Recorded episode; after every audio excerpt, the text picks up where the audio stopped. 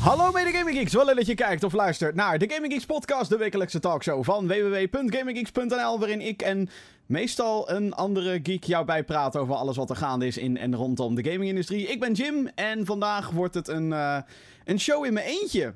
Wat eigenlijk wel heel raar is. Vorige week, vorige podcast hadden we uh, een, een, show met drie hosts. Dus dan zit je al meteen met oh, Jim en Vincent en Johan en blablabla. Hele, hele feestenbende. Maar nu moet je het even met mij doen.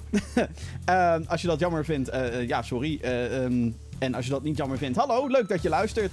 Uh, deze podcast is uh, natuurlijk op meerdere manieren te ontvangen dan wel te beluisteren en te kijken. Goed, we hebben in ieder geval een audioversie. Die kan je natuurlijk vinden op al je favoriete podcast services. Denk aan een iTunes of Apple Podcast, Google Podcast, Spotify. Daar is de Gaming Geeks podcast ook op te vinden. Als je liever een videoversie erbij wilt, waarbij je kan zien hoe ik erbij zit en uh, af en toe ook nog wat gameplay, zodat je een beetje weet over welke game ik het heb. youtube.com slash gaminggeeksnl, daar staat een videoversie. Daar staat overigens ook alle andere videocontent die we maken voor Gamer Geeks. Um, dus neem daar vooral een kijkje als je dat nog niet hebt gedaan.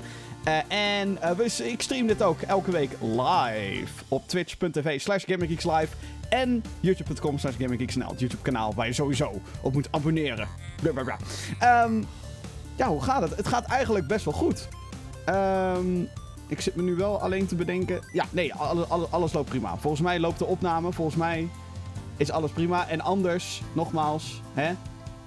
Dat, uh, nou goed, alles, alles verloopt hier nog. Alles doet het nog. Ja, oké, oké. Um, ja, hoe gaat het met me? Nou, het gaat eigenlijk best wel goed. Ik uh, heb een heleboel video's heb ik zitten maken de afgelopen week voor Gaming Geeks. Dus dat is, um, ik ben heel erg productief geweest, al zeg ik het zelf. zo heb ik onder andere, staat nu ook online op gaminggeeks.nl, een prachtige Resident Evil 2 Collector's Edition gespeeld. Dat is toch wel een van de grote releases van het afgelopen, de afgelopen week. En uh, nou, dus super vet beeldje en zo. Dus ik zou vooral die video kijken. Ik heb alleen nog niet die game kunnen spelen. Wat best wel erg is. Um, ja, het is gewoon, ik ben best wel groot Resident Evil fan. Ik heb 250 euro in een, uh, in een Resident Evil Collector's Edition gedaan. Maar hem spelen, ho maar. dus daar ben ik nog niet aan toegekomen. Um, maar ik heb ook nog wat andere games gespeeld. En een van die games is een, is een serie waar ik het al weet ik hoe vaak over heb gehad. Uh, het is Life is Strange. Ik zal het kort houden, want ik weet dat ik inmiddels... Um, weet ik hoe vaak dingen gezegd heb over Life is Strange. Mocht je onder een steen geleefd hebben en deze podcast de afgelopen paar maanden niet geluisterd hebben. Life is Strange is een, uh, is een videogameserie die helemaal gaat over het meemaken van een verhaal en het maken van keuzes daarin. Dus je hebt Life is Strange 1, fantastisch spel, een van de beste games ooit gemaakt. Ga dat spelen. Dan heb je een prequel, Before the Storm. Dan heb je een gratis episode, die heet Captain Spirit. En dat is een soort van prequel op Life is Strange 2. Afgelopen week is Life is Strange 2, episode 2, uitgekomen. En die heb ik uh, zitten spelen, eigenlijk vrijwel toen hij uitkwam. Toen was het van, oké, ik ga achter mijn computer zitten en ik ga die, uh, ik ga die meuk spelen. En zo was ook de eerste keer dat ik zo'n videogame, episodic content ding, dat ik dat um, daadwerkelijk meemaak op het moment dat een episode uitkomt. Alle andere games die ik hiervoor, ook van Life is Strange, is gewoon oké, er is een heel seizoen en dat kan je bij wijze van achter elkaar spelen. En nu is het dus de eerste keer dat ik uh, moest wachten op een episode. En dat ik nu ook weer moet wachten op de volgende episode. Voordat ik het vergeet trouwens, even een zijweggetje. Uh, dit is aflevering 68 van de Gamer Geeks podcast. En de datum van opname is 27 januari 2019. Dus dus letterlijk een paar dagen nadat Life is Strange 2 episode 2 uit is gekomen. Damn. Anyway, um, nogmaals, ik zal het kort houden, want ik heb een impressievideo van Life is Strange 2, episode 2, heb ik uh, online gezet op, uh, op GamingGeeks.nl. Dus die kan je daar gewoon lekker bekijken. Um, maar ik wil wel zeggen erover dat het een, uh, een, een, iets wat aparte aflevering is van Life is Strange. Normaal is Life is Strange, er zitten wel eens wat vrolijke momenten in, maar heel vaak is het een, een serie die jou emotioneel probeert neer te trappen. Of in ieder geval de personages. En dat gebeurde bij episode 1, gebeurde dat ontzettend erg. Uh, en deze episode gaat wat meer de... Ik wil niet per se zeggen de vrolijke kant, maar wat meer de relaxte kant. Het is wat meer een episode die... Um, het laat je ademhalen. Het laat de personages ademhalen. Dus je zit niet de hele tijd met. Oh, oeh, ja, oeh. En de keuzes die je moet maken. zijn wel lastig op zich. Maar het zijn niet van die keuzes van. Oh, nu gaat er echt compleet iets fout. Of ik heb het heel netjes gespeeld. Dat kan ook natuurlijk. Uh, en het is trouwens ook een episode waarin Captain Spirit, die ik eerder al benoemde, uh, die komt hierin terug. Dus dat is ook zeg maar een soort herkenbaar puntje die ik wel heel cool vond. Um, ik vind alleen niet dat ze de potentie eruit hebben gehaald. Goed, wil je mijn volledige impressies weten? Ga naar gaminggeeks.nl. Daar staat een video online waarin ik uh, een beetje omschrijf wat ik vind van Life is Strange episode... Uh, Life is Strange 2, episode 2. Er zit overigens ook een grapje in hoe, in hoeverre ik... Hoeveel, ik het over Life is Strange heb gehad, laat ik het zo zeggen. Um, ik heb ook. Uh, dit zal ik ook kort. Ik heb, het, uh, ik heb ook Aftercharge gespeeld. Aftercharge is een game waar je waarschijnlijk nog nooit van hebt gehoord. En dat is misschien ook wel goed. Uh, nee, grapje. nee, Aftercharge is, is, een, is een indie game gemaakt door een kleine studio. Daar heb ik ook deze week een beetje mee zitten klooien. en het is een, een team van negen man uit Canada. En Aftercharge probeert iets nieuws te doen binnen het multiplayer genre. En het multiplayer genre is toch wel lastig om doorheen te breken als een kleine studio. Want als je een multiplayer game uitbrengt, ben je natuurlijk afhankelijk van de playerbase. Als er geen mensen online zijn om jouw spel te spelen, jouw multiplayer spel, dan is je spel dood. Aftercharge probeert 3 versus 3 gameplay te, te hebben. Dus wat de bedoeling is, is of je speelt in een team van enforcers. Dat zijn gasten met geweren en bepaalde abilities. Uh, dus de een heeft een shotgun en heeft een schild. En de andere heeft twee pistolen en kan een mijntje neerdroppen, bijvoorbeeld. En die moeten zes palen in een level beschermen. Extractors heet dat. En dan heb je een ander team. Dat zijn robots. En die zijn onzichtbaar, in principe. Tenzij ze dicht bij de enforcers komen. Die hebben ook een soort van detectiestraal. En um, die, uh, uh, wanneer ze beschoten worden natuurlijk. En als die robots aanvallen, worden ze zichtbaar. En de bedoeling van die robots is om die palen, waar ik het eerder over had, die extractors, om die neer te halen. Nou, het is best wel interessant. Um, het is een geinig spel, alleen wel heel erg duur. Dus, en, en het is zeg maar zo'n spel dat je, um, die je even speelt en dat je eigenlijk al heel snel zoiets hebt van... Hmm, ik weet het niet met, met, dit, uh, met dit spel. Het, uh, nee, ik, ik ben er wel klaar mee of zo. Maar dat had ik. Misschien ligt dat aan mij. Maar goed, uh, ook dit hou ik een beetje kort, want uh, de video komt er nog aan op GamerGeeks. Sterker nog, die staat al helemaal klaar om gepubliceerd te worden. Het is een kwestie van uh, op online drukken en gaan. Een game die dit weekend, nogmaals, staat er van opname, 27 januari, heel erg onder de aandacht staat. En dat is ook wel heel erg logisch, vind ik dan althans, is Anthem. Anthem, ja, Eindelijk kunnen we ermee spelen, dames en heren. Anthem is een game gemaakt door uh, BioWare. Dat zijn de makers van onder andere Star Wars Knights of the Old Republic. Je weet wel, een goede Star Wars game. Um, en Mass Effect hebben ze gedaan, onder andere. 1, 2 en 3 worden gezien als hele goede space RPG's. Ik heb het zelf. Ik heb er zelf nog nooit eentje gespeeld. Dragon Age hebben ze ook uh, gedaan. En nu is het tijd voor Anthem. Althans, bijna tijd voor Anthem. De game komt op 22 februari uit voor de PC, PlayStation 4 en Xbox One. En het is een um, looter shooter, zoals ze dat noemen. Uh, dus je, je, schiet beesten kapot, krijg je weer gear van, daar word je sterker van, hopelijk, als je de juiste gear vindt. En dan kan je weer sterkere missies doen. En dit kan je dan multiplayer online. Vergelijkbaar met bijvoorbeeld een Destiny en met een, uh, uh, god hoe heet die, The Division natuurlijk. Warframe kan je het ook mee vergelijken. Sterker nog, met Warframe kan je het heel erg vergelijken. Omdat um, je in deze game in soort van robotpakken stapt. En het is natuurlijk van. Het, althans, wordt uitgegeven door EA. En EA heeft de laatste jaren.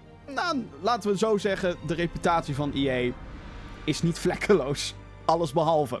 Want het is gewoon... Ja, ze hebben heel veel scheiddingen gedaan. Star Wars Battlefront 2 die ze hebben uitgebracht... zat vol met microtransacties... die eigenlijk alleen maar bedoeld waren... om de mensen die er geld in staken sterker te, ma te, maken. Dus die, hè, de andere spelers die alleen maar 60 euro in een spel hadden gedouwd waren kansloos. Nou, bla bla bla. Dan heb je natuurlijk de lootboxes of de card packs van FIFA Ultimate Team. Is ook niet echt fijn. Uh, Battlefield 5 hebben ze het afgelopen najaar. Ik bedoel, ik vind Battlefield 5 heel leuk. Maar die hebben ze er wel echt uitgerushed. En dat merk je. Ook de marketingcampagne daarvan was een beetje. Uh, ook weer heel erg veel nadruk op dingen die niet gebeurden tijdens de Tweede Wereldoorlog. En tuurlijk, Battlefield was niet echt bedoeld om. Hè, om uh, realistisch te zijn of wat dan ook. Maar ja, ze gingen nu wel heel erg ver. Je had bijvoorbeeld een Britse soldaat met een samurai zwaard op zijn rug. Waarom zou dat ooit zijn? Ook in een Battlefield-titel. Push it. Maar goed. ehm, en die game is nog helemaal lang niet af trouwens, Battlefield 5. Maar daar komen we ook nog wel een keertje op terug. Ehm, dus, dus, dus Anthem. En Anthem is een project wat ze echt al jaren teasen. Het is echt al jaren. Anthem, BioWare's volgende project, bla bla bla. Het wordt het helemaal. Nou, dit weekend is er dus een zogenaamde VIP-demo eh, uitgebracht. En eh, de VIP-demo. Ja, het is eigenlijk alleen maar voor de mensen die hebben gepre-ordered of die lid zijn van eh, Origin Access Premier. Dat is een abonnementsdienst van EA, waarbij je al hun games gehele, eh, gedurende het jaar krijgt en nog een paar andere. Eh, en je krijgt eerder toegang en bla bla bla. Allemaal van dat soort mooie voordelen die je krijgt als je geabonneerd bent op zo'n betaalde service. Eh, maar wat het ding was, is iedereen die zeg maar toegang kreeg tot die VIP-demo. Nou, dat waren er kennelijk heel wat. Die kregen allemaal ook nog eens drie extra codes om aan vrienden te geven, dat ze, zodat ze samen konden spelen. Nou, te gek. Op die manier heb ik ook van een kijker van GamerGeeks eh, eh, een code gekregen en kon ik het spelen. Dankjewel, Mikey. Ehm, dus ja, ik heb het zitten spelen. En. Laten we het eerst hebben over de problemen. Want, oh boy. eh, weet je, het heet VIP Demo. Nou, zo VIP is het dus eigenlijk niet als eh, de halve wereld eh, toegang heeft tot, eh, tot het spel. Eh, leek wel. Ehm, het, het, het, het, het was een drama. Laat ik het zo zeggen. Het, het, het was echt een drama. En dat heb je vaker met dit soort online spellen. Hè, als, als iedereen tegelijkertijd probeert in te loggen. Dan kan je er eigenlijk bijna wel van uitgaan dat de servers plat lagen. En dat gebeurde ook. het, was, het was echt een. eh, eh, ja, de, de, de servers lagen plat. Niemand kon erin. Dat was afgelopen vrijdag, was dat. Eh, ik zat ook met een groepje op, op de GamerGeeks Discord. Zaten we helemaal klaar om Anthem te gaan spelen. En ja, we konden er niet in komen. En als we er wel in waren, dan kwamen we langs een minuutje en dan ging het weer niet. Ja, ik, ik, eh, het is jammer dat natuurlijk zoiets gebeurt. Maar ergens had ik het ook wel aanzien komen. Eh, want ik bedoel, hoeveel game launches hebben we nou wel niet gehad? Waarbij alles compleet instort. Als, als honderdduizenden mensen proberen tegelijkertijd in te loggen. Dat is gewoon. Ik snap ook niet, zeg maar, dat ze. In dit geval, in dit soort gevallen, snap ik ook niet dat ze. A, de servercapaciteit hoger schroeven. Altijd bij dit soort dingen. Maar goed, dan gaan ze natuurlijk weer komen met het, eh, met het verweer van... Ja, maar het is een stresstest voor alle servers. Dus we willen kijken hoeveel mensen tegelijkertijd... Hè, hoe, hoe, eh, nou goed, dat. Waarschijnlijk ook in, in, eh, in, in voor, ter voorbereiding van de daadwerkelijke launch, 22 februari. En ehm, op PC was sowieso een drama. Ik heb niet... De consoles heb ik eigenlijk amper wat van meegekregen. Alhoewel ik ook daar, daar waarschijnlijk serverproblemen waren. Ongetwijfeld. Ehm, maar ik heb dus primair op de PC gespeeld. Sterker nog, ik heb alleen maar op de PC gespeeld. PC Master Race, beste frame rate, beste graphics. Je weet. sorry, sorry console fans. Ehm, nee, maar prima, prima. Maar ehm, de, de servers lagen eruit. Eh, alleen er zijn meer problemen met, met de demo. Er is bijvoorbeeld een bug die eh, jou vast laat zitten in laadschermen. Volgens mij is dit alleen maar voor de PC-versie. Maar het was best wel een drama toen ik. eh, dat als je er eenmaal in komt. Dat, dan gaat die, die. Die game gaat laden. En je denkt: Oh mijn god. Daar gaan we. Anthem. Eindelijk, we gaan het spelen. Holy hell. Ja, we hebben duizend trailers gezien. We, duizend, we zijn gehyped. En dan blijft dat laadscherm blijft hangen. En dat, dat gebeurt best wel vaak. Echt best wel vaak. Dus dat is ook een beetje kut. Eh, en dan zijn er natuurlijk nog dingen zoals... eh, er zijn een paar sound glitches. Dat het helft van het geluid ineens wegvalt. Of sterker nog, ik had... eh, een medespeler van mij had ineens helemaal geen geluid meer in de game. Dus dat zijn allemaal nog issues. Overigens vind ik ook dat de game heel veel laadschermen heeft. Maar ja, als ze dat allemaal even gewoon opzij leggen. En er stiekem en heel hoopvol van uitgaan... Dat... dat EA dit oplost. Dat we op eh, 22 februari of 15 februari als je pre-ordert, want je krijgt dan een week eerder toegang. Zo moe word ik van dat soort dingen. Maar goed, ehm, die pre-order bonuses. Ik, ik- toen ik er eenmaal in kwam, die game, eindelijk, laat scherm, ik kon in mijn robotpakje stappen. En vervolgens krijg je die wijde wereld voor je. Dames en heren. Anthem is fucking awesome. Het is fantastisch. Het is ongelooflijk goed. En dat is misschien voorbarig dat ik dat soort dingen roep. Want hey, het is nog maar een VIP-demo. Het is absoluut niet de hele game. Eh, je begint ook op level 10 in plaats van level 1. Dus dan weet je een beetje hoe het in het midden van het spel... hoe, hoe zo'n eh, Javelin, zo heet die robot pakken... hoe die spelen. Maar het was echt dat ik dacht... Ik, ik, ik, ik, stap naar buiten... met, die, met dat robotpakkie... Ik, de, de controls worden helemaal niet aan je uitgelegd. Wat ik eigenlijk wel ehm, verfrissend vond of zo. Of ja, misschien zit er ergens... Volgens mij hadden ze de tutorials hadden ze er volgens mij uitgehaald in de demo. Vond ik niet erg, want ik, ik stond er met dat robotpakje en oké, hè, met je muis kan je dan om je heen kijken en eh hè, linkermuisknop schieten, rechtermuisknop richten. Ik snapte het wel. En toen drukte ik op de spatiebalk en dan springen. Dus het van oké, oké, je kan hoog springen. Je kan dubbeljumpen, oké. Vervolgens ging ik maar wat knopjes uitproberen. En toen kwam ik er dus achter, springen en shift en je gaat vliegen. Vliegen als Iron Man. En geloof mij maar als ik zeg dat deze game het gevoel van het zijn van Iron Man als geen ander weet, gewoon fantastisch weet uit te werken. Dat vliegen is zo fantastisch in deze game. Vooral omdat je ook in het midden van de lucht kan, kan, kan rollen. Je voelt je echt een, een superheld als je, als je rondvliegt in dit spel. Maar dat is niet het enige, hè, want eh, vliegen, rondvliegen is leuk. Net zoals bijvoorbeeld bij een game zoals Spider-Man. Webslingeren, fantastisch, leuk. Maar er moet meer in het spel zitten. Nou, eh, je hebt eh, eh, een soort van freeplay stand heb je, dat je een beetje door de wereld heen gaat en wat willekeurige events kan aangaan. Je hebt eh, dungeon-achtige missies en je hebt story missions. Althans, dat is wat ik er tot nu toe van begrijp. En, die, en die variëren ook van moeilijkheid en, en van wat je moet doen. En het komt er vaak op neer. Er zijn beesten of, of, of, of vijandige soldaten. Knal ze neer en ga door naar het volgende. Zoals heel veel andere shooters. Zodra ik bij mijn eerste confrontatie aankwam, toen kwam ik er ook al achter. Damn, het schieten voelt heel goed. En dat is iets wat, je, wat, zo moeilijk is om, om goed te krijgen in een game. Het heeft te maken met allerlei facetten. Het moet er goed uitzien. Nou, Anthem ziet er fantastisch uit.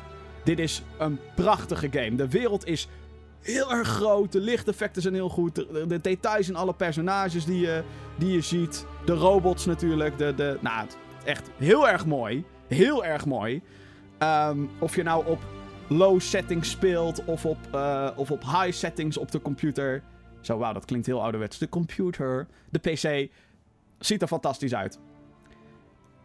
Dus dat, dat, dat punt van de, het schieten hebben ze goed. Dan gewoon de controls. Heerlijk. Gewoon reageert allemaal goed. En je hebt zat opties. Dat vind ik ook fijn. Eh, elke javelin, je robot, pak, moet ik zeggen. Die hebben een aantal abilities. Je hebt vier verschillende types. Ik heb nog maar met eentje kunnen spelen. Dat is de Ranger, heet die geloof ik. Die heeft gewoon een granaat en een soort van... eh, ehm, ja, gewoon een raketje die die kan afschieten. En elke Javelin heeft ook een ultimate. Nou, eh, in, in het geval van The Ranger, de, de standaard eh, Javelin, die je hebt in het begin van deze demo, die ehm, heeft een soort van raketsalvo die die afschiet. Dus alsof je echt Iron heel veel raketten achter elkaar kapot maakt. Dus dat is fantastisch. Ook, althans, ziet er spectaculair uit. Heel leuk. Ehm, maar er zit ook een bepaald tempo in het spel. En waar deze game anders is dan bijvoorbeeld een Destiny of een Division. Hè, de Division is heel erg veel eh, confrontatie, cover zoeken en schieten. Destiny weet ik niet zo goed wat daar nou een beetje de bedoeling van is. Volgens mij een beetje strafen en, en schieten en je abilities gebruiken. Anthem heeft ook het strafen, het schieten, het abilities gebruiken. Maar heeft daarbij heel veel bewegingsmogelijkheden. Er zijn vijanden die je moet flanken. Nou is dat natuurlijk bij meerdere shooters zo. Ook bij de Division bijvoorbeeld. Dan moet je zorgen dat je via cover, via cover, via cover achter iemand komt. Om dan bijvoorbeeld een zwak punt te raken. Dat heb je in Anthem natuurlijk ook. Alleen daar heb je dan het voordeel dat je over ze heen kan springen. En dat als je in gevaar bent, dat je gewoon even weg kan vliegen. En dat je dan even weer je schild op kan laden en dat soort dingen. En daar maakt de game heel goed gebruik van. Van het hele koffersysteem en het hele... Oh, je kan snel weg, je moet snel weg. Dat heeft ook te maken natuurlijk met hoe je... Uh, uh, je teamleden die kunnen bijvoorbeeld neergaan en dan kan je ze omhoog helpen. En deze elementen, als je alles bij elkaar brengt... Het werkte ontzettend goed. Ik zat als een fanboy.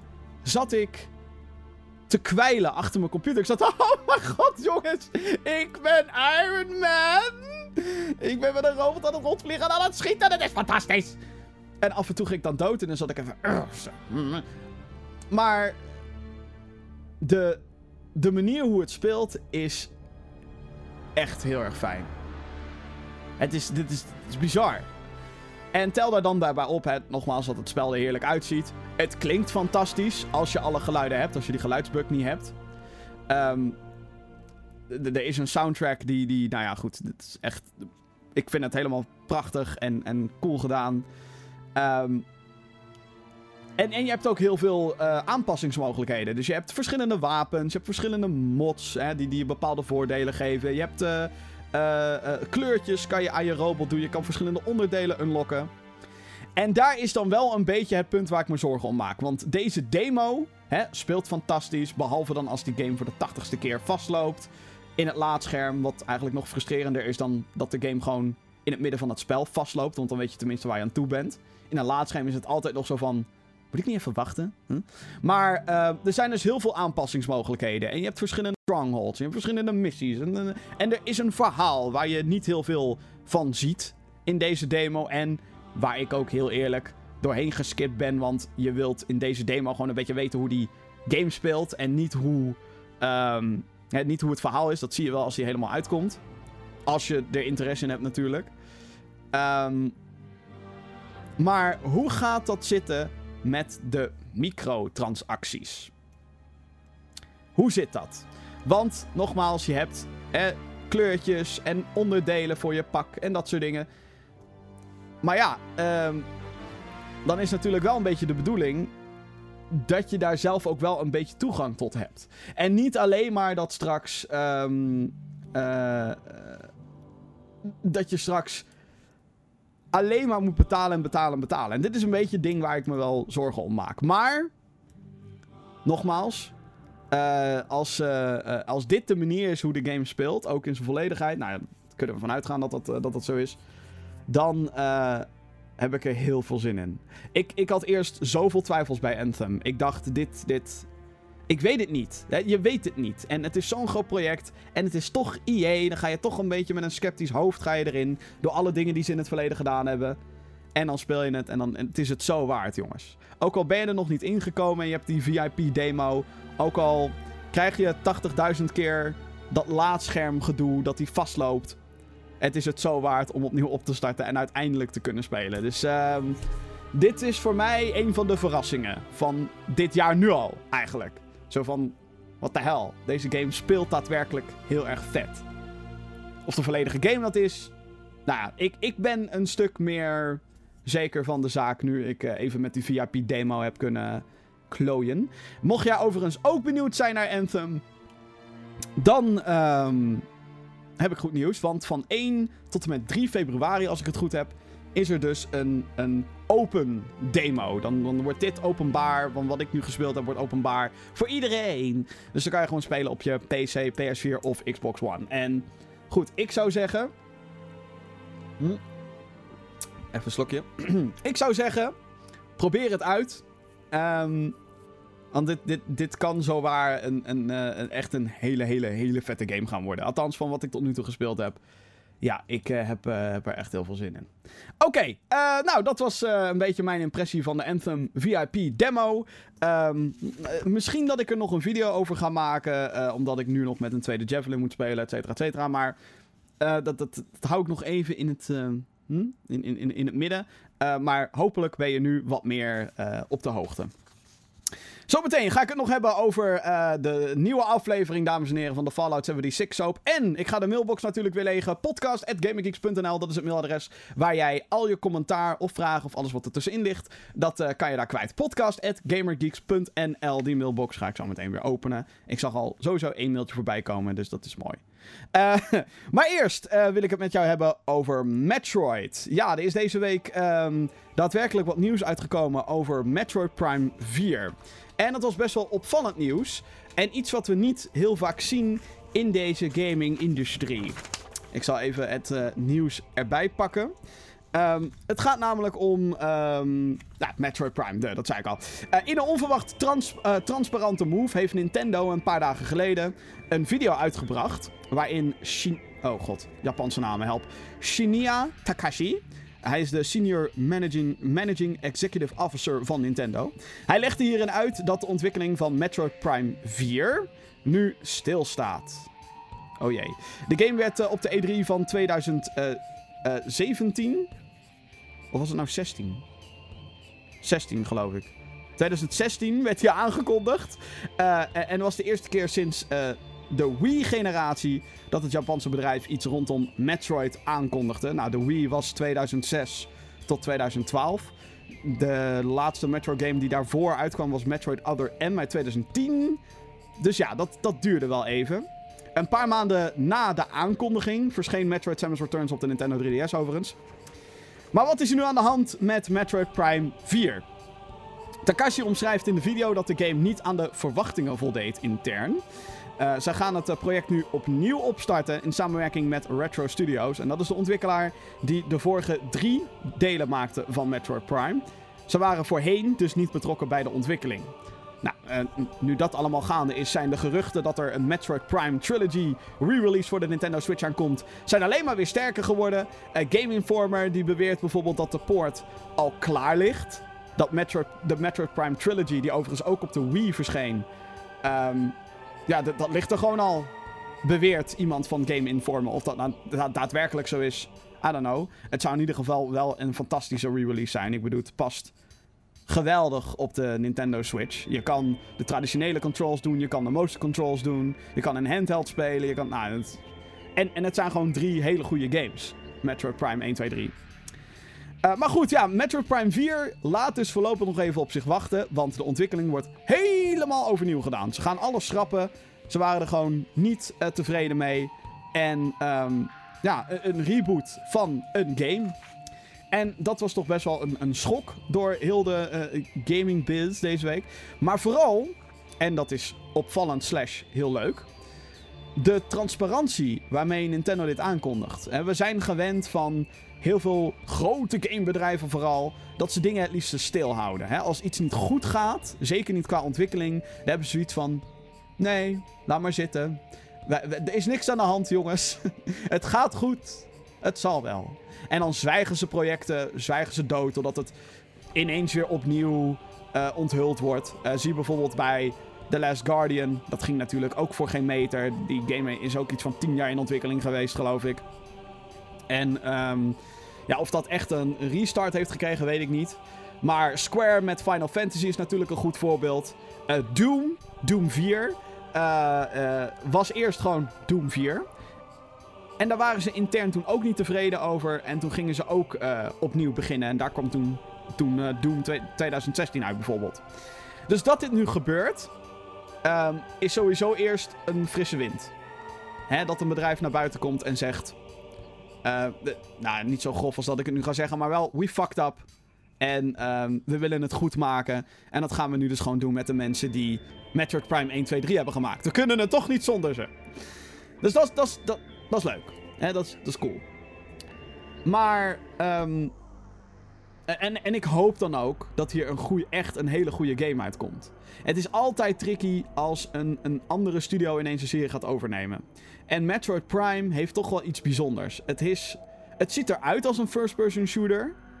En dat is het ook. Alleen het heeft heel veel lock-on systemen. Dus het gaat meer over het uh, uh, inhouden van, van, van triggers.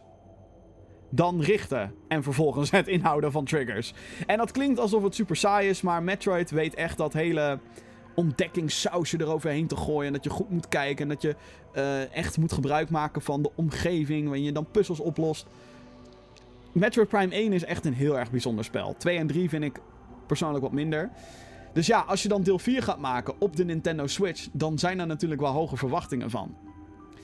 Wat ik ook wel opvallend vind, is dat Retro Studios, die dus Metroid Prime 1, 2, 3 maakten, die worden er nu pas bijgehaald. En ik vind dat gek. Misschien is dat ook wel verstandig dat ze dat nu wel gaan doen. Want waarom zou je geen Metroid willen maken met een studio die er vanaf het begin af aan. Sterker nog, Retro Studios werd opgericht om Metroid Prime te maken. Dus het is um, een opvallend verhaal, maar wel eentje waarbij Nintendo dus gelukkig het niet laat uitlopen tot een ramp. En gewoon zegt: Oké jongens, we fucked up. Um, opnieuw. En ik hoop gewoon echt dat bedrijven voortaan net zo transparant gaan zijn. En weet je, ze hadden ook... Nintendo had makkelijk een persberichtje de deur uit kunnen doen. Ze hadden makkelijk gewoon Metroid Prime 4 dood kunnen zwijgen. En dan pas over drie jaar komen met nog een trailer van... Oh, trouwens, het is er nog, jongens. We zijn stiekem overnieuw begonnen, maar dat zeiden we niet tegen jullie. maar vooral ook, nu weten we gewoon... Oké, Metroid Prime 4 duurt nog even. En voor iedereen die nu denkt van... Oh ja, nou, nu, nu duurt het twee jaar. Nou, ik zou echt wel... Oeh. Twee jaar zou heel snel zijn als ze dat voor elkaar zouden krijgen. Um, maar ik ben daar natuurlijk niet aanwezig. Maar het is, uh, nogmaals, het is heel opvallend. Ik denk dat als meer bedrijven um, deze move zouden maken van... Hé hey jongens, dit is er aan de hand. Je moet wat langer wachten op een game. En dan met een goede reden komen. In plaats van... Uh, we hebben meer tijd nodig om de boot te polishen. Want dat is altijd het standaard excuus. Zeg maar. En uh, vaak is dat ook zo. Overigens, ik zeg niet dat elk gamebedrijf erover liegt. Maar... Hè? Um, het is altijd fijner om op deze manier te horen wanneer een game waar je je heel erg op verheugt, want Metroid is niet de populairste Nintendo franchise. Het is geen, het is geen Zelda, het is geen Mario, het is uh, ook geen Animal Crossing zelfs. Ook geen Pokémon, zeker niet. Maar het is wel eentje die heel geliefd is onder de mensen die het wel kopen. Om het maar heel hard te zeggen. Want uiteindelijk gaat het toch om verkoopcijfers en... Dus, dus, en, ook overigens daarom, ook daarom uh, vind ik het dapper dat Nintendo dit doet. Want Metroid is niet de best verkopende franchise, maar toch willen ze er alles aan doen om het zo goed mogelijk te maken. Dus dat, hè, weet je, good guy Nintendo, goed bezig. Um, ik ben heel benieuwd wat het uiteindelijk gaat worden, want een nieuwe Metroid, ik ben er altijd wel voor te porren. Ik vond die 3DS-game, vond ik ook fantastisch, want ik hou meer Metroid. Het is alleen dan wel jammer dat we nu nog langer moeten wachten op meer Metroid. Maar goed, eh, wat ik al zei, liever een goede Metroid en langer wachten dan een hele slechte Metroid game en het nu krijgen. Toch, denk ik? Nou goed. Aan de andere kant ben ik ook best wel een beetje, uh, een beetje ongeduldig. Maar dat maakt niet uit. Oké, we gaan even langs de headlines van uh, de afgelopen week. Er is echt wel het een en ander gebeurd rondom um, de games. Uh, allereerst gaan we weer even terug naar Anthem. Fantastische game. Tot dusver dan, van wat ik ervan heb begrepen. Uh, want uh, een opvallende uitspraak is er gemaakt door Ben Irving. Ir Irving, I-R-V-I-N-G. Hij is de lead producer van Anthem. Um, hij heeft op Twitter namelijk geantwoord op een fan. Nou, dat is fijn dat hij dat doet. Er werd namelijk naar hem gevraagd naar crossplay mogelijkheden voor Anthem. Hè, kunnen wij straks met PS4 en PC samenspelen? Of Xbox One en PC? Of, als het zou kunnen, PS4 en Xbox One die samen kunnen spelen. Daarop zei Ben Irving, hij zei niet bij de lancering. Wat een hele opvallende uitspraak is. Want je zou denken dat dit soort mannetjes, die, uh, die natuurlijk IE hebben, die over hun schouder meekijken. Die, uh, je zou denken dat hij gewoon zou zeggen, nee, hebben we niet. Maar het feit dat hij nu impliceert van, nou, niet bij de lancering. Dus een toekomstig ding, zou ik dus echt fantastisch vinden. En dat zou volgens mij wel een van de eerste grote games die voor 60 euro in de winkel liggen. Games, titels zijn die crossplay zouden kunnen ondersteunen. Uh, andere grote populaire games die nu crossplay hebben, dus dat je uh, rondom meerdere platforms kan spelen. Fortnite natuurlijk, daar kan je op je telefoon, met de PlayStation, met computer, met de Nintendo en Xbox. Volgens mij zou je in theorie. Oh nee, uh, je kan maximaal met vier mensen in een team. Nou, je zou dus gewoon PC, Xbox, PlayStation, Nintendo Switch en. Welke ben ik nou vergeten? Anyway, alle platforms kunnen met elkaar spelen in Fortnite. Ehm, Rocket League, daar kan dat ook. En Minecraft kan dat bijna. Volgens mij alleen PlayStation ondersteunt het niet. Maar daar kan je ook al met een tablet kan je weer met Nintendo spelen. Die kan weer met Xbox en, en dat soort gekke dingen. Ehm, en er zijn ongetwijfeld meer games die dit willen. Dus het is een opvallende, opvallende uitspraak. Niet bij de lancering. Ehm, nou, misschien wordt dat nog wat. Ik, eh, ik ben heel benieuwd. Ik hoop dat het gaat gebeuren. Het zou alleen maar cool zijn. Ik vind dat soort dingen vet als het gewoon lukt. Ehm, heel onverwachts dit. Uh, er is een uh, vervolg op Subnautica aangekondigd. Nou, mocht je dat niet kennen, uh, dat is een survival game in, onder water. De, het vervolg heet Subnautica Below Zero. Het zal dezelfde principes houden als de eerste. Dus survival game onder water. Maar dan nu met meer vrieselementen. Zoals de titel doet vermoeden. En voor degenen die het niet weten, onder 0 graden um, bevriest water. Joh, je meent het, Jim. Uh, de game speelt zich een jaar af na het origineel. En uh, wat ook opvallend is, is dat hij op 30 januari al uitkomt op de computer. Dan zeg ik het weer, computer, PC. Maar dan in early access. Hmm. De ontwikkelaar vermeldt erbij dat, uh, en ik quote nu uit wat er op de, de Steam-pagina staat: The game is full of bugs, missing features and has performance issues. Dus u zijt gewaarschuwd als u dit spel wilt gaan spelen. Uh, hij komt uit op de Epic Game Store en Steam. Overigens is dit ook wel weer heel erg transparant. Waar ik het eerder ook al over had. Dus dat de ontwikkelaar gewoon al zegt: jongens, hij zit vol met bugs. Het, het draait nog voor geen meter. Maar hij is er al wel. Dus weet je, als je ons wil helpen, haal het. Dat staat er ook bij. En hey, als je dat allemaal niet wil, wacht dan tot de volle release. En dan komt hij ook uit. Dus ja, dope. Ik, ik heb gehoord van heel veel mensen dat Subnautica heel erg leuk is. Dus. Hmm. Ik ben benieuwd. Ik, ik, ik heb nog nooit gespeeld. Ik ben ook niet echt van de survival games, dus. Nou ja, goed.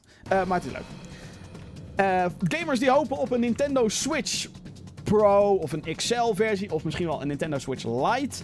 Uh, die hoeven er voorlopig nog niet eentje te verwachten, want Shuntaro Fukuwara, Wara, sorry, Shuntaro Fukuwara, hij is de president van Nintendo, die heeft tegen uh, Senkai, Sankai News gezegd dat ze zich nu volledig richten op het verkopen van de huidige Nintendo Switch. Dus een prijsverlaging zit er volgens hem voorlopig ook niet in. Nee, de Nintendo Switch gaat als een tierenlier, dus uh, mm. voorlopig geen nieuwe Nintendo Switch. Wat ik overigens niet had verwacht. Ik dacht, dit jaar komt er vast wel een Nintendo Switch Pro of een... Hè, wat ze ook hadden met de Nintendo 3DS XL en de nieuwe Nintendo 3DS en de 2DS en blablabla. Ik snap wel dat de Switch wat minder vormbaar is, denk ik. Hè, er zit best wel wat technologie in, in dat uh, tabletachtige apparaatje. Um, maar een, een Pro-versie had ik wel ergens zien aankomen. Als ik één ding wil van Nintendo, klinkt heel gek, maar dan, ik, ik zou eigenlijk meer een Pro-dock willen. Een beter dock van Nintendo. Waar bijvoorbeeld al een uh, LAN-aansluiting in zit. Want nu moet je een stomme USB-dongel kopen. Terwijl je maar drie USB-aansluitingen hebt op de Nintendo Switch. Als je hem in die dock duwt. En dan moet ik dus zo'n stomme dongel kopen om dan internet te kunnen hebben op dat ding. Uh, ik... Snap ik niet. Waarom het er niet gewoon op zit. Maar ja, goed. Uh, dat. Een grote blunder voor IGN. De hele grote gaming website is dat. Uh, de Giga website had in zijn recensie voor de remake van Resident Evil 2 geschreven dat de New Game 2 mode niet heel veel toe te voegen had. Uh, de verschillen na het starten van een nieuwe campagne zouden volgens de website minimaal zijn. Uh, dit bleek niet te kloppen, aangezien het cruciale elementen door elkaar husselt. Althans, dat heb ik weer gehoord van anderen. Nogmaals, ik heb de game nog niet gespeeld. Ik heb hier wel een prachtig beeldje staan van de Collector's Edition. Hallo Leon. Maar ik was te druk bezig met Anthem dit weekend. Uh, maar ik ga nog wel spelen. De, ja, ook heb 250 euro voor ingezet. Collector's Edition. Ik ben gek. Maar uh, ik weet dus niet of dit daadwerkelijk zo is. Maar dit was de kritiek op de recensie. Um, dit werd later verbeterd. En het cijfer, hier moet ik heel erg om lachen. Het cijfer van de game werd verhoogd van een 8,8 naar een 9,0, dames en heren. Het is ook niet de eerste blunder voor IGN. De laatste tijd hebben ze, de, hebben ze nogal wat uh, ja, te doen gehad met hun recensies. Um, uh, vorig jaar kwam de website in opspraak omdat een van de recensenten als een content had gejat van anderen. Die is ook meteen ontslagen. Goed bezig, IGN. Um, En de recente Ace Combat 7 review kreeg ook veel kritiek, omdat de schrijver benadrukte dat de controls beperkt waren, maar bleek dat deze persoon het enkel op de easy controls had gespeeld. Terwijl als je op de moeilijke controls speelt, hè, de, de normale eigenlijk, dan kan je met je vliegt of je straaljager, het is een straaljager game, kan je barrel rolls doen, kan je van alles en nog wat doen. En als je hem op easy zet, easy controls, dan is dat beperkter, zodat het niet te ingewikkeld voor je wordt. Ja, dus ja, dat was ook weer een ding. Ehm ik vind het toch opvallend dat dit soort dingen de laatste tijd vaker gebeuren bij IGN. weet je, dat, dat, dat, dat één recensie in de weet ik hoeveel. dat, dat iemand plagiaat pleegt, dat is kut. Maar je kan gewoon niet alles wat er op het internet gezegd wordt over een game. kan je niet allemaal nachecken. Snap ik. Dat vervolgens dan een recensent fout maakt om bij Ace Combat niet te kijken. van goh, hoe zijn die andere controls eigenlijk? En het dan maar zo afsnauwt van, oh, ik had slechte controls. En ik heb hem op easy controls gezet. Dus, bah, dat is toch een beetje, hè? En dan ja, nu bij Resident Evil. Uh, ik denk dat dit een haastklus is geweest. Uh, de, grote websites moeten natuurlijk zo snel mogelijk die recensies de deur uit hebben. En uh, dat moet op het embargo. Want meteen als, die als, als dat tijdstip online is, dan moet onze recensie. Want dan krijgen we de meeste kliks. En nogmaals, dat snap ik ook allemaal wel. Um, maar goed, ja, ik, ik, ik, ik, ben in die zin ook geen professional in, in de games business. Je merkt heel vaak als je een beetje naar gamertjes kijkt, onze recensies duren vaak lang. Maar dat komt, we hebben een baan, we hebben een, een, een, baan naast... Uh, onze baan is niet Gamer Geeks. De. Uh, was dat maar zo. Maar, uh, hè, dus, dus bij ons duurt het altijd heel lang voordat een recensie er is. Maar als die er is, dan is dat wel echt onze voorlopige conclusie. Onze, onze uiteindelijke conclusie. Um, en mocht daar wat fout in zitten, ja, dat kan. Ik bedoel, iedereen maakt fouten natuurlijk. Dat is ook wel weer een ding. Ja. Maar goed, dat het bij nu een paar keer achter elkaar gebeurt, dat is uh, een beetje gek.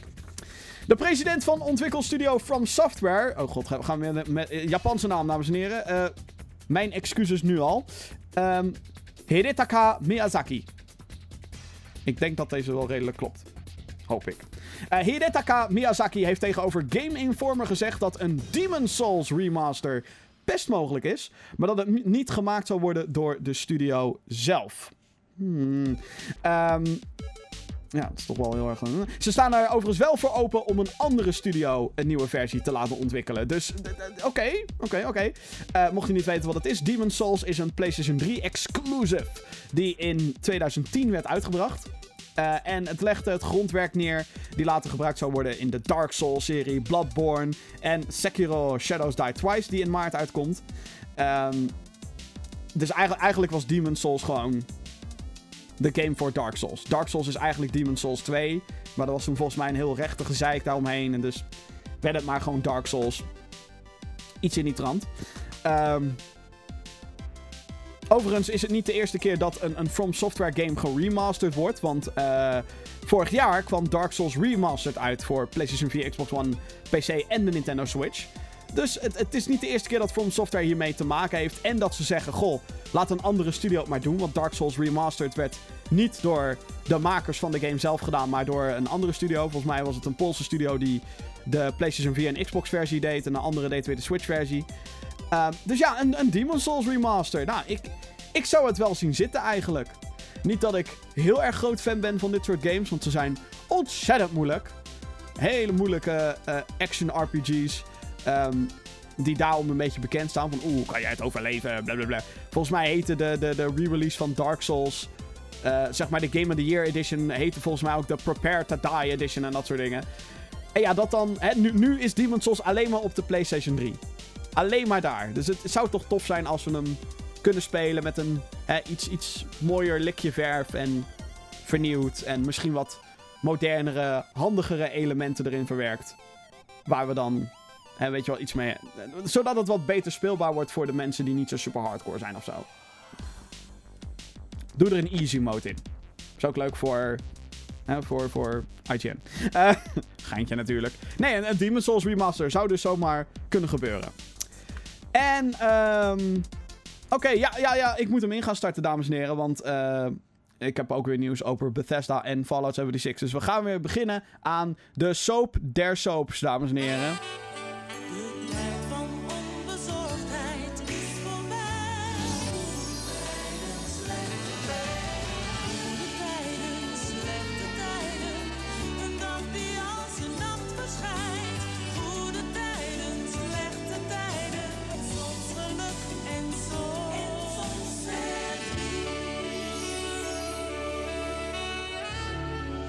Ja, tijd voor een nieuwe aflevering in de Fallout 76 soap. Fallout 76, de meest buggy, meest dramatische release van Bethesda ooit. Um, we hebben weer nieuwe ontwikkelingen rondom Fallout 76. Het houdt niet op, niet vanzelf met deze game. Uh, Bethesda heeft namelijk een nieuwe PvP-mode aangekondigd voor Fallout 76. Ja, ze doen er nog wat aan om iets uh, nieuws in die game te brengen. Uh, de online RPG slash survival game heeft nu een survival mode. deze staat dus los van de, van de stand die eerder gespeeld kon worden. Hierin kan elke speler elkaar zonder pardon afknallen. Vandaar dat het survival heet. Um, er is na de, de, huidige speelstand, of althans, zoals die eerst was, is het zo: je hebt een online wereld en dan kan je monsters in kapot knallen en je komt dan ook andere spelers tegen. Maar als jij dan iemand knalde, zo'n andere speler, dan is het niet meteen zo dat je elkaar kapot kan knallen. Of althans, jij kan die persoon niet meteen helemaal afknallen. Pas als die persoon terugschiet, dan ga je daadwerkelijk in PvP-mode, dus player versus player. En dan kan de fun gaan beginnen. In deze mode is het dus zo dat je elkaar zonder pardon gewoon... Er hoeft geen confrontatie, je hoeft niet terug te schieten. Nee, je kan in één keer doodgeschoten worden. Oké, wat is nu het probleem hierbij dan? Spelers hebben de speelstand afgekraakt. En let op, dit zijn dus de spelers die de game nog spelen. Um, omdat je personages en items van de Adventure stand... En dat is dus wat het eerst was. Um, daar is het dus een optie om terug te schieten. En dan pas ga je in duel met elkaar. Um, die personages en alle items en alle voordelen die je daar hebt, die kan je gewoon overhemelen naar de nieuwe survival stand. Dus je kan gewoon met je hoogste level gear, hoogste level wapens en whatever, kan je gewoon in deze survival mode gaan en kan je iedereen kapot knallen. Dus onwetende spelers die um, bijvoorbeeld beginnen, die kunnen ineens een duw tegenkomen met 14 machinegeweren en jou helemaal verrot maken. Het heeft eigenlijk als gevolg dat. Um, waarom zou je niet met de hoogste level gear in de survival mode gaan? Er is geen. Het heeft geen nut. Het leidt eigenlijk alleen maar tot gevaar van. Oh haha, ik kan je afknallen, hahaha. En tuurlijk, dat heeft, in sommige games heeft dat zo zijn spanning. Het is eigenlijk helemaal waar het hele Battle Royale mode op gebaseerd is. Van hey, je hebt een grote wereld en je kan in één keer afgeknald worden. Ook zonder pardon. Um, maar dit ligt dan toch wel iets anders. Dus dat is een beetje. Um, vooral omdat het zo is dat je. Hè, in Battle Royale modes land je ergens, moet je eerst wapens vinden en dan pas kan je elkaar gaan afknallen. En in Fallout is een RPG, dus daar, daar, kan je gewoon in één keer kan je overpowered shit meenemen. En, en degenen die niet overpowered zijn, zijn sowieso de lul. Wat dus als gevolg heeft dat alleen maar overpowered mensen daar gaan zitten. En dan wordt het heel eentonig. Gek. Het is inderdaad uh, wederom... Overigens is er ook nog eens een graflelijk leren jasje onthuld. Uh, die 276 dollar kost. En eruit ziet als een goedkope boodschappentasje. Plastic boodschappentasje. Dus ook weer. Dus dat was de, uh, de Fallout uh, 76 soap voor deze week. Uh, Bethesda. oh god. Echt. Kill Fallout, dames en heren. Kill het nou maar gewoon. Het wordt, echt, uh, het wordt nu al heel erg beschamend, vind ik. Dan ga ik even de mailbox nog openen. We zijn er al een tijdje bezig, hè? Jeetje, Mina. Uh, podcast.gaminggeeks.nl Dat is uh, het mailadres waar jij al je commentaar kwijt kan. Of je vragen als het gaat om videogames. Of alles wat ertussen hangt. Ik zou zeggen, mail. Podcast.gaminggeeks.nl Podcast.gaminggeeks.nl Ik moet even snel die mailbox openen. Zullen we net zien dat hij de verkeerde opent of niet? oh nee, ik moet weer aanmelden. Nou goed, ik, heb, ik had er al eentje hier. Uh, beste geeks van Jarne is dit mailtje. Beste geeks, uh, ik heb uh, een vraag, niet gaming gerelateerd. Wat vinden jullie van het mysterie rondom Avengers Endgame en de aankomende game? Huh? Nou, er zijn twee aparte dingen hier. je hebt Avengers Endgame, dat is de, de film. De aankomende Avengers film, Avengers 4. Heel veel zin in. Geen idee wat het mysterie is. Ik heb al wat theorieën gelezen. Um, maar ik ben benieuwd hoe de Avengers zich uit het einde van Infinity War gaan schoppen. Hmm. En hoe het inderdaad kan dat Ant-Man uit uh, er weer is. Zeg maar. Ik wil het een beetje vaag houden voor degene die nog niet alle Marvel dingen hebben gezien. Echt waar, Avengers Infinity War was fantastisch. Mijn favoriete film van afgelopen jaar. Ik ben heel benieuwd hoe deze gaat worden. Ehm, en ik ben ook benieuwd hoe we, wie we gaan verliezen. Want ik denk echt wel dat er, dat er een, een grote, groot personage doodgaat. Of zo. Denk ik. En de aankomende game, ja, dat weten we allemaal nog niet, joh. Het, uh, de aankomende game, uh, er is dus een Avengers game in ontwikkeling. Dat uh, wordt gedaan door Crystal Dynamics. Dat zijn de mensen achter Tomb Raider. 2013 en Rise of the Tomb Raider, die twee. En volgens mij doen ze dat samen met Idols Montreal. Die, nee, Shadow of the Tomb Raider hebben gemaakt. Dat was de derde.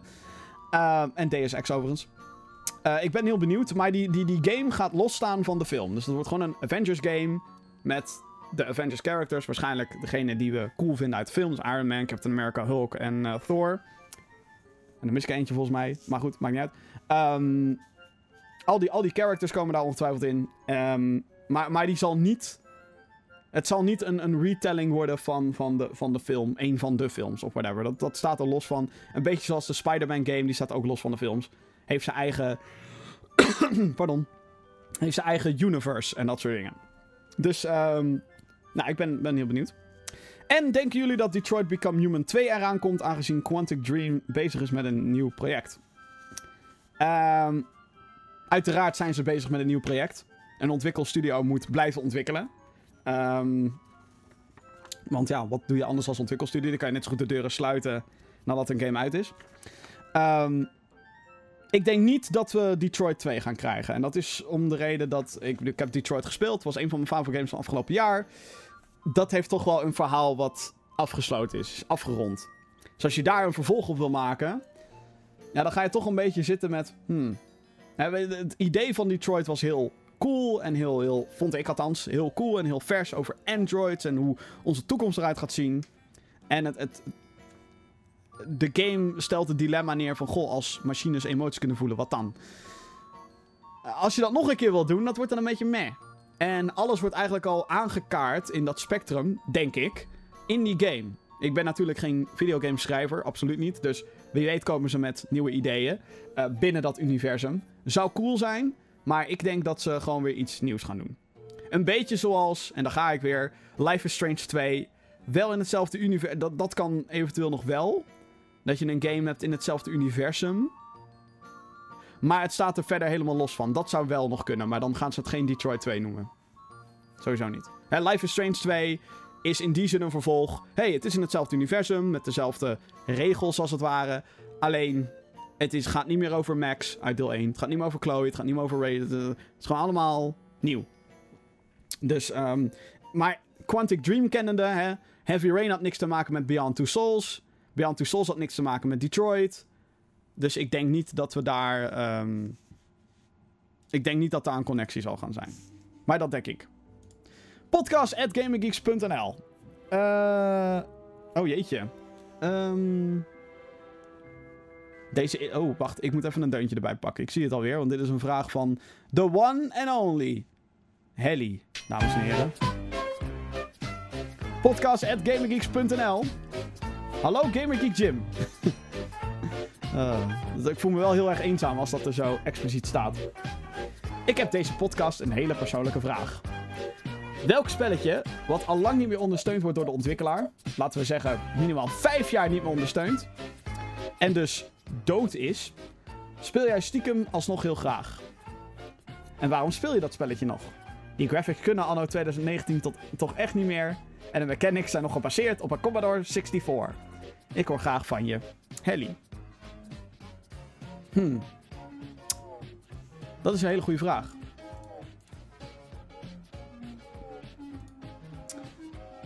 Een game die ik nog heel graag speel, die al jarenlang dood is.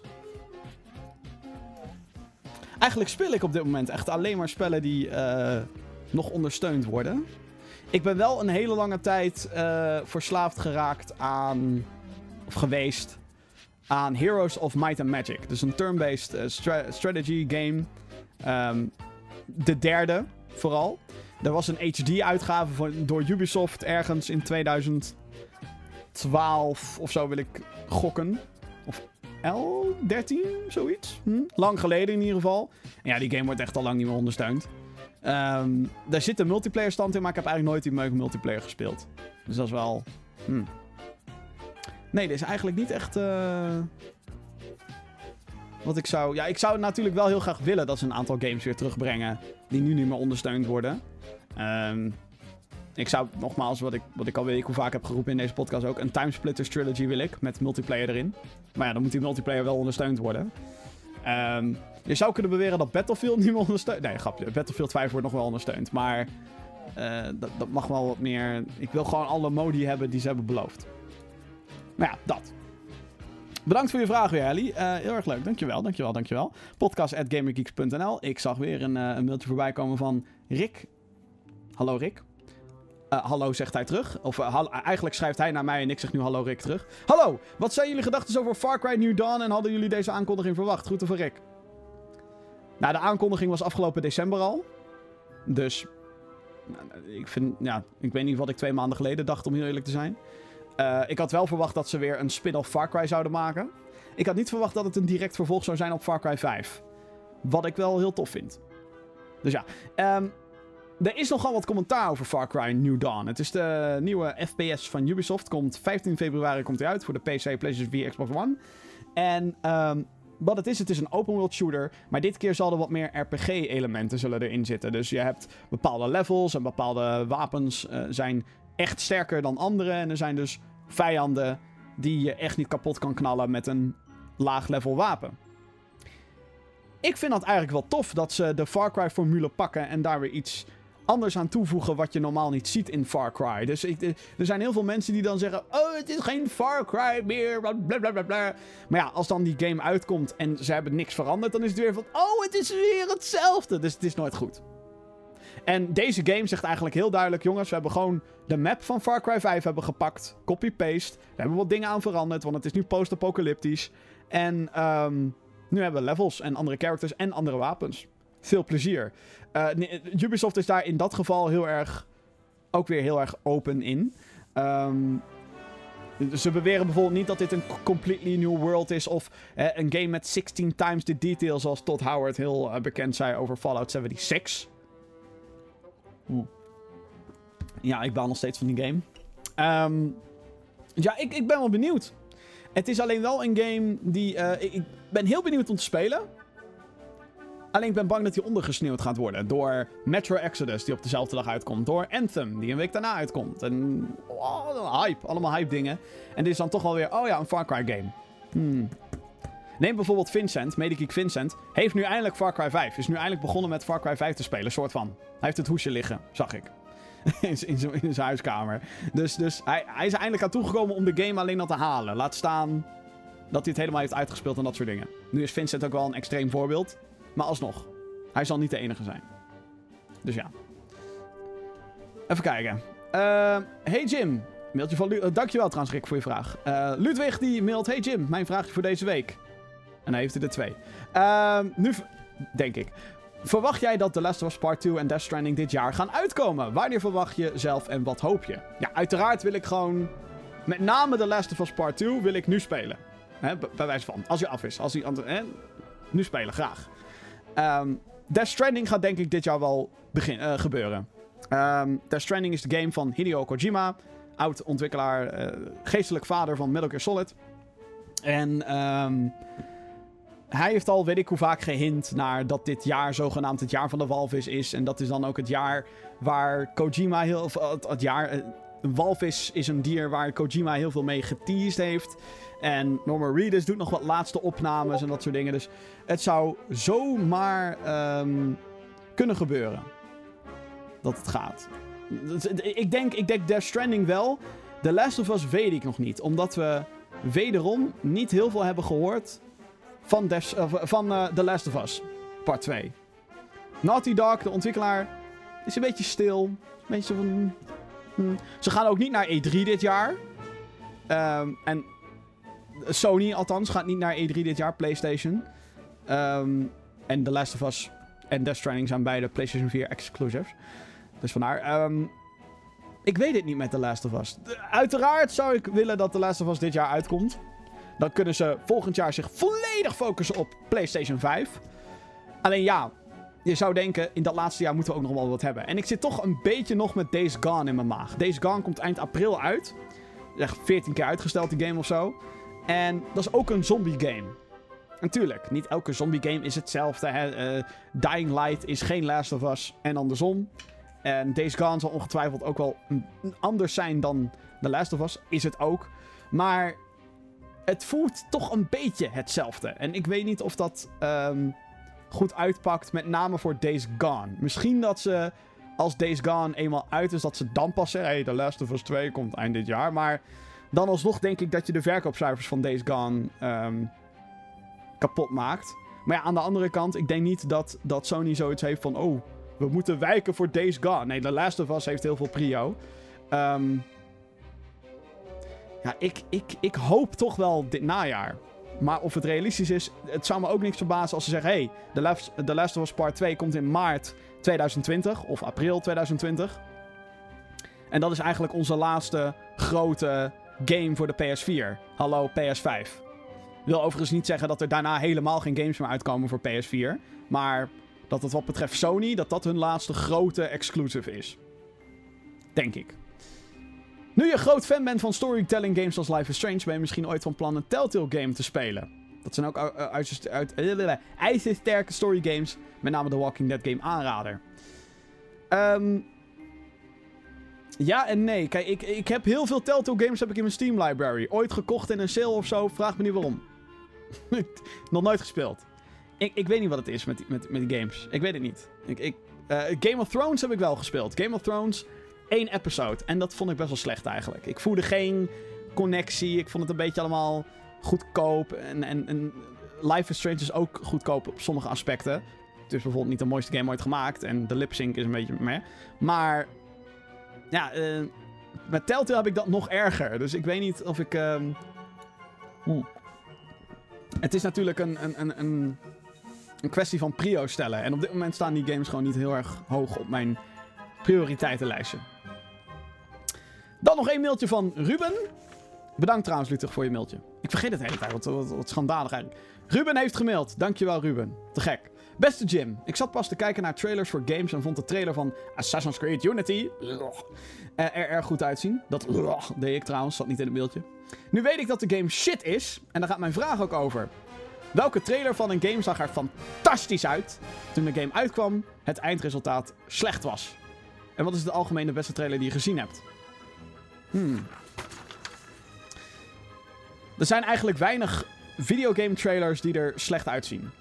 En dat um, heeft onder andere te maken met. Eh, ik bedoel, het is marketing. En het doel van marketing. En een trailer is een onderdeel van marketing. Het doel van marketing is om jou een game te verkopen.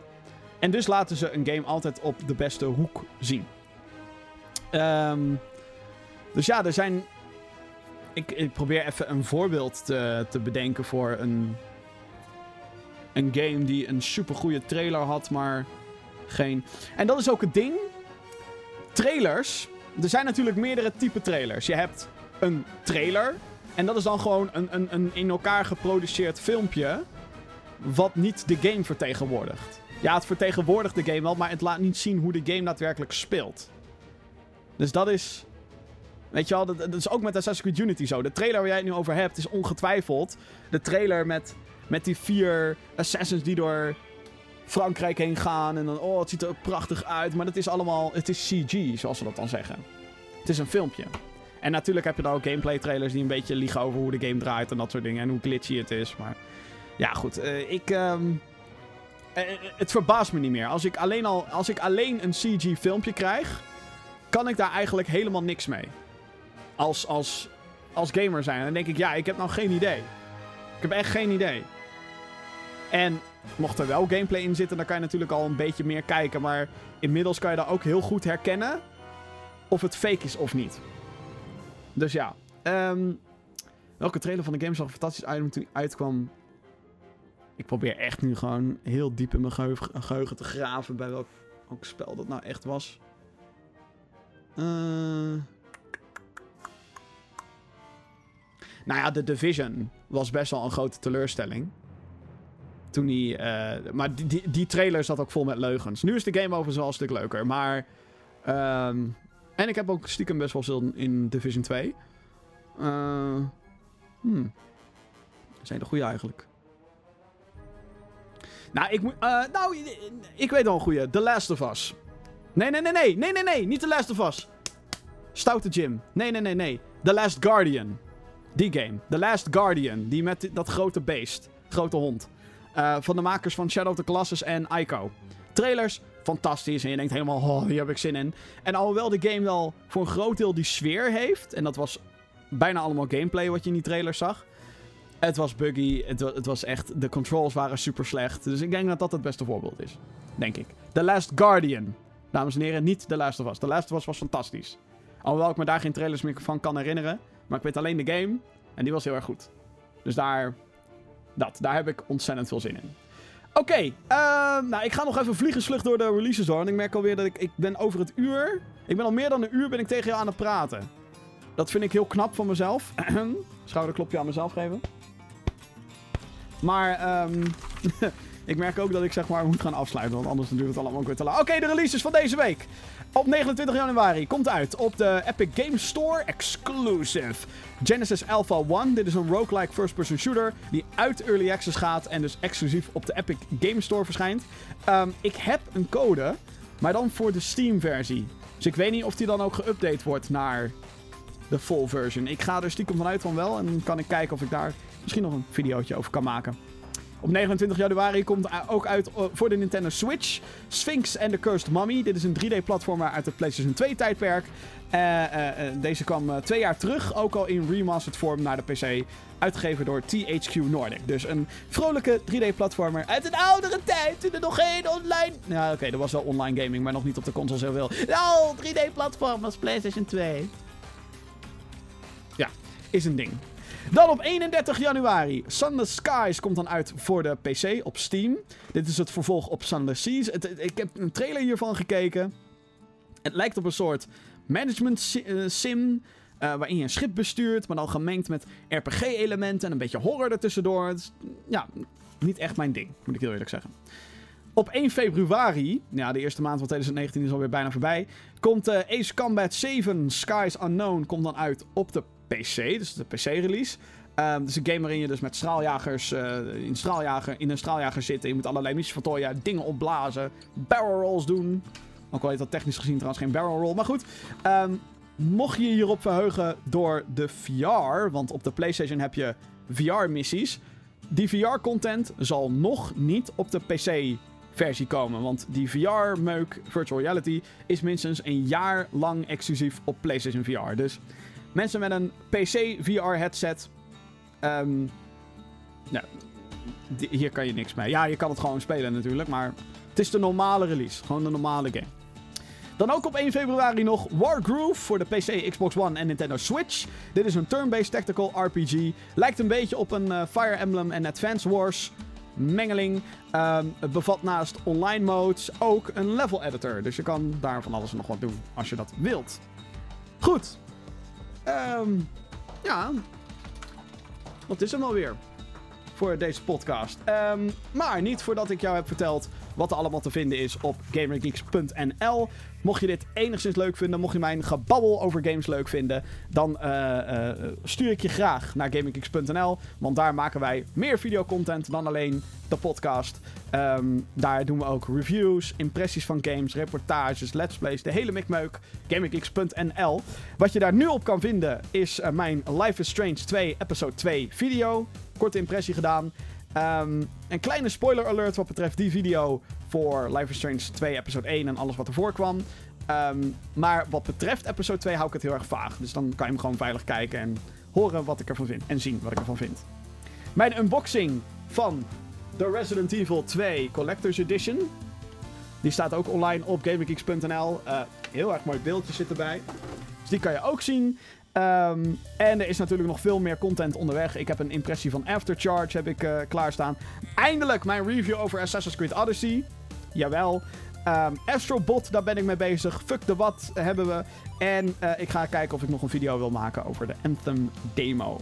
Ik ben heel benieuwd of mensen daar dat überhaupt willen. En hey, een nieuwe maand staat voor de boeg. Dus een Gaming Geeks Next, waarin alle game releases voor jou op rij worden gezet. Komt er ook allemaal aan. Met andere woorden, GamingGeeks.nl of youtube.com slash GamingGeeksNL. Abonneer je op dat YouTube kanaal. Uh, want uh, nou, dan kan je, kan je alles gewoon vinden. En dan krijg je dat in, in, zo'n subbox. Moet je wel dat belletje klikken over overigens. Doe dat vooral. Um, dus vergeet dat niet. youtube.com slash GamingGeeksNL. Abonneer, we hebben je steun hard nodig. Um, daar is ook overigens deze podcast op te krijgen in videovorm. Uh, YouTube.com slash GamingGeeksNL dus. Maar wil je liever de audiovorm? Nou, het kan zijn dat je daar nu naar luistert, uh, of niet. Uh, je kan je ook gewoon op abonneren wat betreft een podcast. Want het is immers een podcast. De audioversie is te vinden op onder andere Google Podcast, iTunes, Apple Podcasts, Anchor, Overcast... Maakt niet uit waar je ook maar podcast kan vinden. Als je daar intikt GamerGeeks podcast, dan um, moet je, als het goed is, deze show daarop vinden. En Spotify zijn we ook op te vinden. En voor alles omtrent GamerGeeks, GamerGeeks.nl. Goed, dit was de 68e aflevering van de GamerGeeks... Uh, ik, ik sluit zo slecht af. Dit was de 68e aflevering van de Gaming Geeks podcast. Ik spreek jou hopelijk snel weer. Later!